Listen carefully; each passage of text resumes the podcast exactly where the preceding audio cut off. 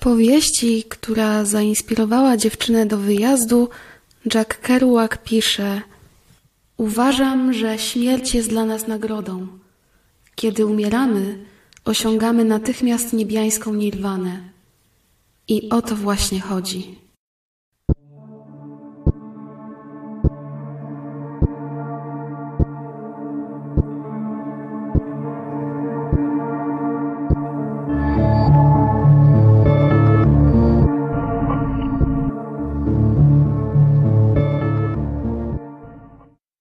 Jest tak wiele spraw, o których chciałabym opowiedzieć, ale albo nie pozwala na to czas, albo ograniczona ilość materiałów, dlatego często muszę mierzyć się ze swoim wewnętrznym cenzorem, ważyć słowa i rezygnować z pewnych tematów.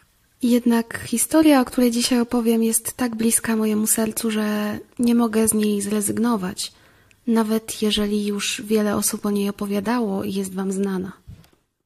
Przenieśmy się do Stanów Zjednoczonych. W roku 1976 w stanie North Carolina w mieście Durham na świat przychodzi Leah Toby Roberts.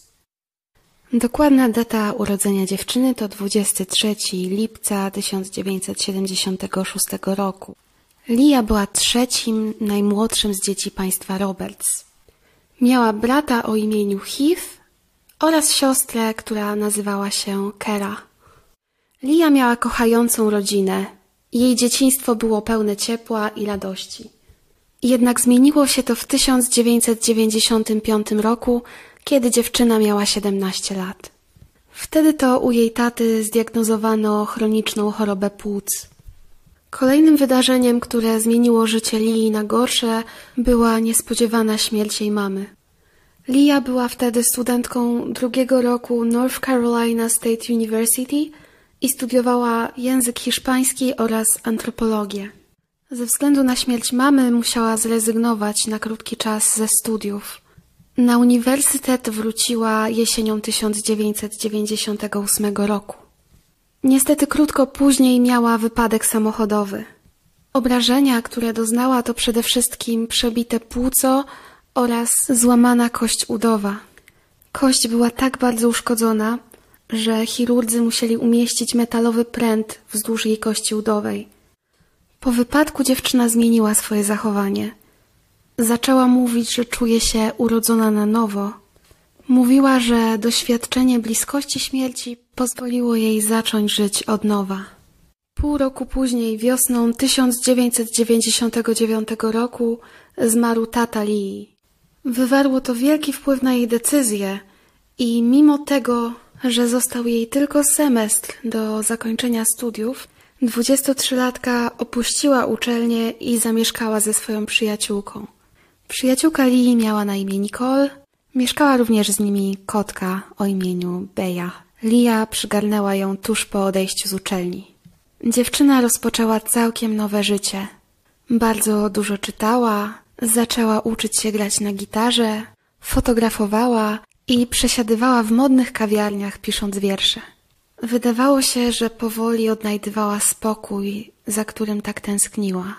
Dlatego nic nie wskazywało na to, że czwartek 9 marca 2000 roku zmieni coś w życiu Lee. Można powiedzieć, że ten dzień zaczął się całkiem zwyczajnie.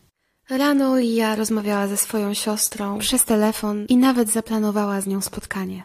Kilka godzin później dzwoniła do niej jej współlokatorka Nicole i umówiły się, że następnego dnia zajmą się dzieciakami z sąsiedztwa. Jednak kiedy wieczorem Nicole wróciła do mieszkania, po Lii nie było ani śladu. Przed domem nie było również jej samochodu. Białego Jeepa Cherokee, rocznik 1993. Jednak początkowo Nicole nie była tym zaskoczona, ponieważ wiedziała, że Lia często wychodzi, że nie studiuje, nie pracuje, utrzymuje się z ubezpieczenia i dlatego jej plan dnia jest czasami dość nieprzewidywalny. Współlokatorka zaczęła niepokoić się następnego dnia, kiedy to Lia nie przyszła opiekować się dziećmi.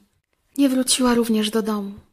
13 marca 2000 roku Nicole odezwała się do siostry Lee Kerry.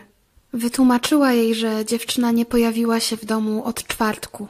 Wtedy był już poniedziałek. Z jednej strony wydaje mi się, że to dość długi czas i nie wiem dlaczego Nicole zwlekała z powiadomieniem Kerry. Może wynikało to z częstych wyjazdów Lee i z tego, że nie chciała być kontrolowana, że mówiła wielokrotnie, że chce żyć jako wolna osoba, zgodnie z filozofią, którą wyznawała, tak jak jej ukochany twórca Jack Kerouac. Po telefonie od Nicole starsza siostra Lee, Kera, natychmiast zadzwoniła na policję i zgłosiła zaginięcie swojej siostry. Od tamtej pory nigdy już jej nie zobaczyła. Co mogło się stać z tą uśmiechniętą idealistką? Dlaczego tak nagle zniknęła? Czy miały z tym związek tragedie, które spotkały ją w trakcie studiów? A może było to zupełnie niezwiązane ze zniknięciem Lee? Przyjrzyjmy się teoriom przedstawionym przez policję oraz osoby analizujące sprawę. Pierwsza z teorii, którą przedstawię, odnosi się do spontanicznego wyjazdu, który mogła zaplanować, a właściwie to nie zaplanować, tylko rozpocząć Lia. Potwierdza to przede wszystkim to, że kiedy 14 marca Kera razem z Nicole zaczęły przeszukiwać pokój Lee, zauważyły, że wiele ubrań zniknęło. Także kot Lee i jego klatka zniknęły z pokoju dziewczyny. Znalazły także liścik od Lee, który brzmiał Nie zamierzam popełniać samobójstwa. Wręcz przeciwnie. Oprócz tych słów na karteczce był mały rysunek. Był to uśmiech kota z Cheshire, czyli jednej z szalonych postaci z książki Alicja w Krainie Czarów, Louisa Carola. Co chciała przez to przekazać? Że planuje podróż? Trochę spontaniczną i trochę szaloną? Czy rzeczywiście nie była w nastroju samobójczym? A jeżeli w nim nie była, to w jakim nastroju była wtedy? W liściku dziewczyna wspomniała również o Jacku Kerouacu, autorze, którego tak bardzo ceniła. Jack Kerouac był przedstawicielem tzw. Tak bitników, czyli twórców propagujących idee anarchizmu i indywidualizmu. Ruch ten powstał w latach 50. XX wieku, jednak jego ponowna popularność przypadła na lata 90. i może dlatego Lia wybrała właśnie Jacka Kerouaca i jego On the Road i The Dharma Bums. To właśnie o tej drugiej pozycji, czyli włóczęgach Darmy, bo tak brzmi polski tytuł kontynuacji On the Road, czyli w drodze, wspominała przyjaciołom tuż przed zniknięciem Lia. W książce Kerouac opisuje przygody swojego alter ego Reya Smitha. Jedną z tych przygód jest jego wyprawa na górę Matterhorn Peak w Kalifornii. Ta wyprawa z kolei zainspirowała go do podjęcia pracy w charakterze strażnika pożarowego w Parku Narodowym North Cascade National Park w stanie Waszyngton. W notatce Lia umieściła również informację, że zostawia współlokatorce pieniądze na czynsz na następny miesiąc, dlatego Kera i Nicole myślały, że dziewczyna planowała powrócić. Takie domysły budziły także rzeczy, które zabrała ze sobą Lia.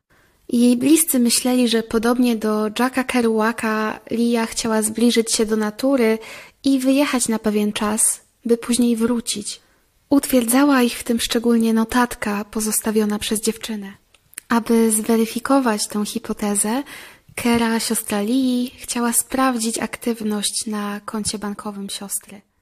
Wykorzystała wcześniejsze pełnomocnictwo, które posiadała i rzeczywiście Okazało się, że Lia wyjechała w niespodziewaną podróż.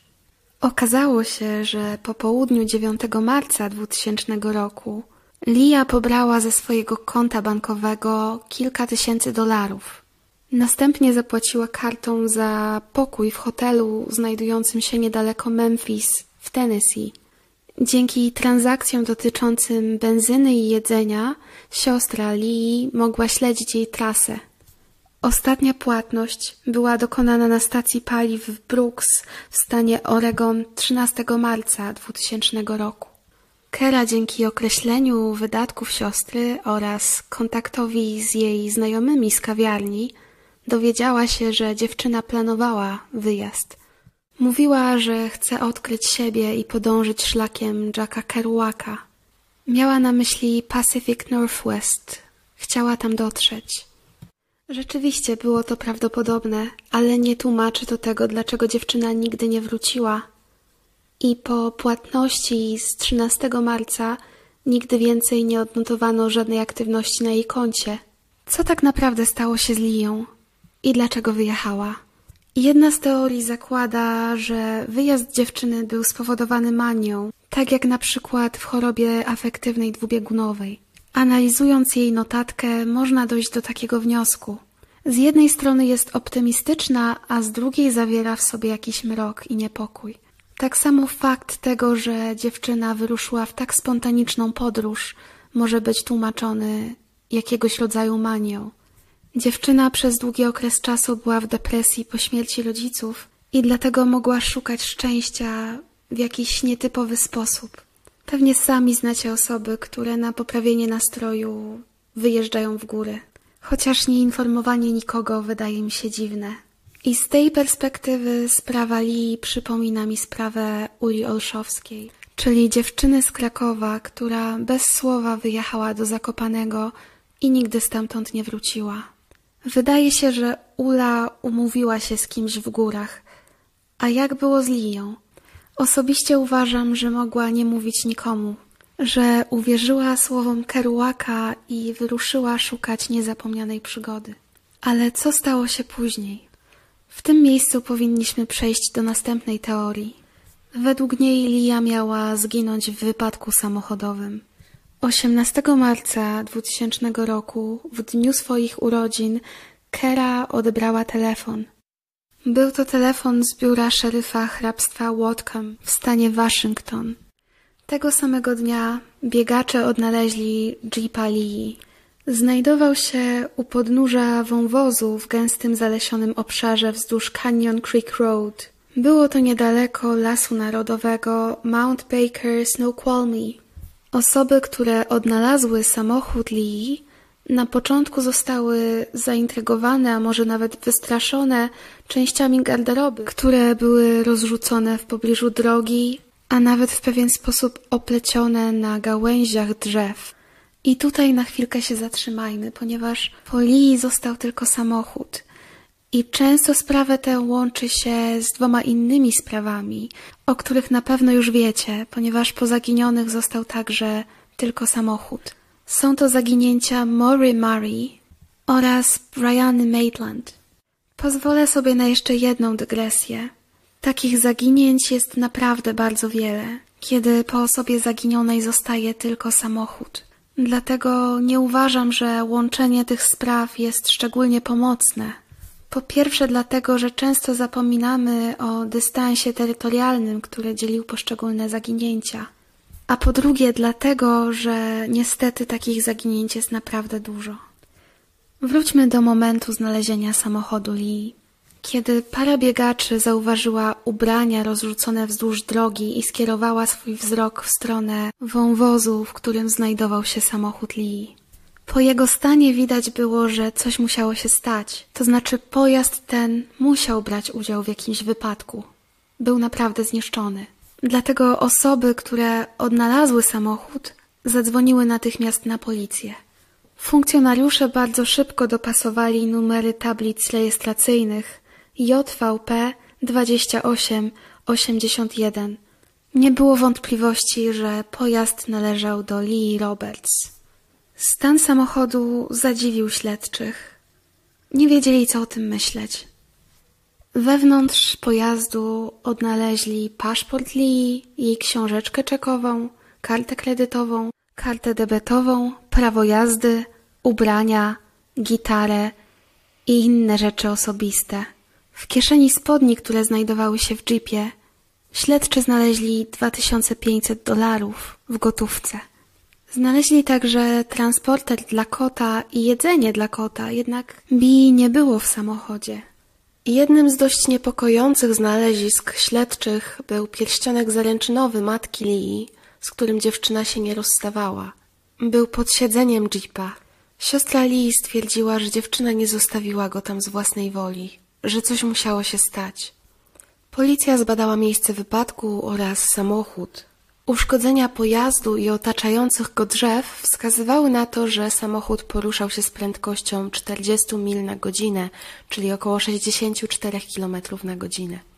Może nie jest to jakaś zawrotna prędkość, ale badania wykazały, że samochód dachował kilkukrotnie. Co istotne, nie było żadnych śladów, które wskazywały na to, że Lia doznała jakichkolwiek obrażeń. Przede wszystkim w samochodzie nie było ani śladu krwi, Także pasy bezpieczeństwa po stronie kierowcy nie wykazywały żadnych śladów gwałtownego hamowania czy rozciągnięcia. Nie było też śladów na poduszce powietrznej. Policjanci zastanawiali się, czy wypadek nie został upozorowany. Miało to przebiegać w taki sposób, że w samochodzie brakowało pasażera, kiedy został on wprawiony w ruch. Ale kto mógł tego dokonać? I jak dokładnie to się stało? Na te pytania funkcjonariusze nie udzielili odpowiedzi. Jeszcze bardziej zastanawiające okazały się ubrania i koce, które znalazły się obok jeepa. Wskazywało to na to, że ktoś jednak był w jeepie po wypadku. Czy była to Lia szukająca schronienia, czy może ktoś zupełnie obcy? Tego nie wiemy. Mimo braku dowodów świadczących o tym, że Lia brała udział w wypadku, śledczy postanowili przeczesać teren. Myśleli, że kobieta może rzeczywiście uległa wypadkowi i zaczęła szukać pomocy że była w szoku i oddaliła się z miejsca wypadku. Jednak pomimo zaangażowania zespołu poszukiwawczego, psów tropiących oraz helikopterów, po Lii nie było ani śladu. Taką wersję zdawał się potwierdzać telefon, który otrzymali śledczy. Mężczyzna, który do nich dzwonił, twierdził, że on i jego żona widzieli Liję niedługo po wypadku. Miała to być na stacji benzynowej Texaco w Everett w stanie Waszyngton. Mężczyzna stwierdził, że dziewczyna była zdezorientowana i zagubiona. Niestety nie powiedział nic więcej, bo kiedy śledczy zapytali o jego nazwisko, rozłączył się. Czy był to wiarygodny świadek? Czy rzeczywiście widział Liję? Czy może chciał zmylić śledczych i poprowadzić ich na niewłaściwy trop? W tym momencie proponuję przejść do następnej teorii. Zakłada ona, że Lija padła ofiarą przestępstwa. Ta okoliczność oczywiście nie wyklucza tego, że Lia mogła rzeczywiście wyjechać w nieplanowaną podróż. Niewątpliwe jest to, że wyjechała w podróż. Możemy mieć tylko wątpliwości co do okoliczności tej podróży. W tym momencie śledczy uznają, że tak samo prawdopodobne jest, że dziewczyna przeżyła, jak że została pozbawiona życia. Pytaniem pozostaje tylko kiedy. Czy przed wypadkiem, który mógł zostać upozorowany później, czy po oddaleniu się z miejsca zdarzenia? Ustalono, że przed znalezieniem samochodu Lia była w kinie. 13 marca była na pokazie American Beauty. Pokaz odbywał się w Bellingham w Bellis Fair Mall. Kiedy rodzeństwo Lee przyjechało do Bellingham szukać siostry, wypytywali w kinie oraz w pobliskich restauracjach, czy ktoś nie widział podobnej do niej dziewczyny. Niestety w kinie nikt nie widział Lee, mimo tego, że w jej samochodzie odnaleziono bilet do kina. Jednak rodzeństwo, pytając w centrum handlowym, dowiedziało się, że dziewczyna jednak była tam tego dnia. Była w jednej z restauracji w centrum handlowym. Ponadto ustalono również, że dziewczyna siedziała przy barze z dwoma innymi osobami, dwoma mężczyznami. W czasie posiłku zaczęła z nimi rozmawiać. Mówiła o swojej miłości do książek Kerouaka i powodzie swojej podróży. Jeden z mężczyzn, który był widziany wtedy z Lią, podczas przesłuchania stwierdził, że wyszła ona z baru z mężczyzną o imieniu Bary. Podał także jego portret pamięciowy. Jednak nikt z personelu ani z osób, które były wtedy w restauracji, nie potwierdził tych zeznań. Większość z tych osób uważa, że Bary został po prostu zmyślony przez tego klienta. Ale dlaczego? Czy miał coś do ukrycia? Ten mężczyzna jest tak naprawdę bardzo interesującą postacią i na pewno wspomnimy o nim jeszcze raz. Barego nigdy nie odnaleziono. Poszukiwania Lee także nie posuwały się do przodu. W 2006 roku zmienił się detektyw, który zajmował się sprawą. Ustalił on, że tak naprawdę Jeep Lee nie został dokładnie zbadany. Dlatego detektywi przeprowadzili ponowną kontrolę pojazdu. Okazało się, że przewody znajdujące się pod maską samochodu Lee zostały przecięte. W rezultacie kierowca nie musiał nawet przyciskać gazu, a samochód i tak by przyspieszał. Co więcej, pod maską samochodu znaleziono również odcisk palca, który nie należał do Lee oraz ślady DNA mężczyzny na ubraniach dziewczyny. Oznaczało to, że hipoteza związana z upozorowaniem wypadku była bardzo prawdopodobna. Śledczych zaniepokoił jeden szczegół. Mężczyzna, który twierdził uparcie, że dziewczyna wyszła z restauracji z barem, był mechanikiem samochodowym. Mógł z łatwością upozorować wypadek. Zastanawiający był również fakt, że mężczyzna tuż po zaginięciu Lee wyjechał do Kanady. Dlatego detektywi czekali dwa lata, aż mężczyzna przekaże im próbki DNA. Okazało się, że odcisk jego palca nie pasował do odcisku znalezionego pod maską samochodu. Co do DNA nie mamy pewności, ale policja milczy, a mężczyźnie nie przedstawiono żadnych zarzutów, więc można uznać, że nie jest on podejrzany. Jednak muszę przyznać, że jego zachowanie budzi spore zastrzeżenia. Może coś wie, może miał wspólnika, a może po prostu lubi konfabulować. Od tego momentu nie ma żadnego przełomu w sprawie. Jednak ostatnio na Reddicie ukazywały się różne przypuszczenia. W 2014 roku niedaleko miejsca znalezienia samochodu Lee odnaleziono ciało. Było ono zmumifikowane i nie zostało zidentyfikowane. Sklasyfikowano je jako mężczyznę pomiędzy 33 a 55 rokiem życia. Oczywiście płeć i wiek się nie zgadzają. Przecież Lia była w chwili zaginięcia 23-letnią dziewczyną. Jednak istnieje pewne podobieństwo, które może być zbiegiem okoliczności, ale rzeczywiście bardzo szalonym. Okazało się, że osoba niezidentyfikowana przeszła taką samą operację jak Lia i miała w nodze metalowy pręt. Co więcej, zgodnie z numerem seryjnym, osoba ta musiała przejść operację jesienią 1998 roku, tak samo jak Lia Roberts. Czy możliwe jest to, że ktoś pomylił się, identyfikując zwłoki? Niektóre osoby twierdzą, że Lia mogła mieć męskie DNA, to znaczy mogła urodzić się mężczyzną. Mogła też mieć jakąś genetyczną przypadłość. W każdym razie, mimo tego, że bardzo dziwnie to brzmi, taki scenariusz nie jest nieprawdopodobny. Z tego co wiem, policja została także o tym poinformowana. Jednak ciągle nie ma żadnych informacji na ten temat.